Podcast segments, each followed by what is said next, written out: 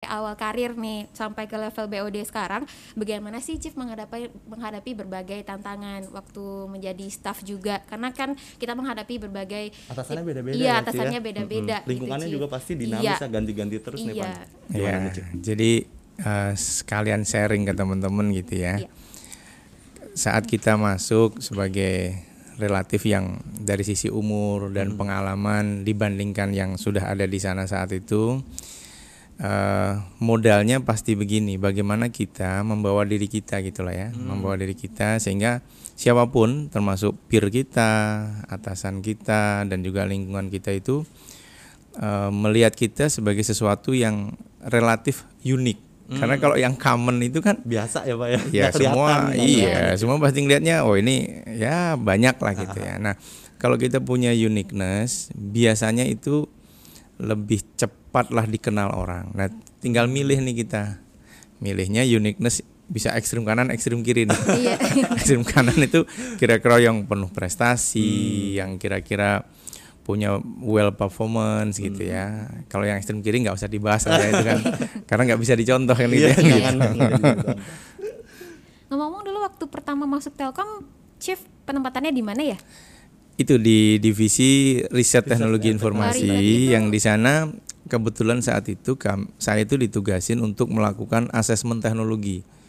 Jadi di awal-awal saya ingat banget em, saat itu di di dunia bahkan ya khususnya di Indonesia itu sedang ada eh, apa namanya pro dan kontra pemilihan teknologi. Hmm. Waktu itu adalah yang IP base, Internet Protocol base dan juga ATM base. ATM itu asynchronous transfer mode base. Hmm.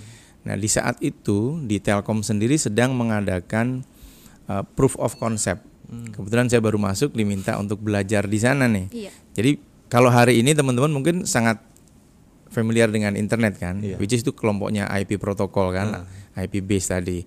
Saat itu enggak. Jadi saat itu lagi dua-dua teknologi ini saling bersaing. Hmm. Termasuk negara-negara produsennya itu eh, apa namanya menyiapkan eh, fitur yang paling tadi, paling hebat di antara Iya. keduanya. Tapi waktu itu berjalannya waktu dan juga segala pertimbangan setelah melakukan tadi serangkaian kajian gitu ya, termasuk ngetes dengan proof of concept. Pada gilirannya diputuskan Telkom Indonesia waktu itu memilih yang IP base.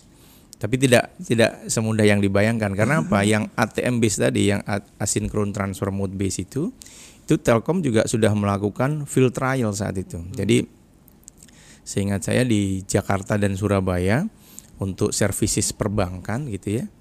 Karena ini beda teknologi nih yang satu nih kalau agak masuk teknis nih karena Iya. sudah dari background saya teknis nih. Apa-apa, Pak, biar seru ya. Iya biar seru, biar kita belajar juga. Jadi Iya. dulu itu kalau yang ATM itu connection oriented. Hmm. Berbeda dengan yang di IPB seperti internet sekarang itu tuh Iya. connection less oriented. Artinya apa? Itu kira-kira gini, kalau Jakarta Surabaya tadi yang dicontohkan tadi gitu ya. Itu butuh koneksi yang pasti dulu kalau itu basisnya ATM tadi. Sehingga apa bandwidthnya dan seterusnya harus fix. Hmm.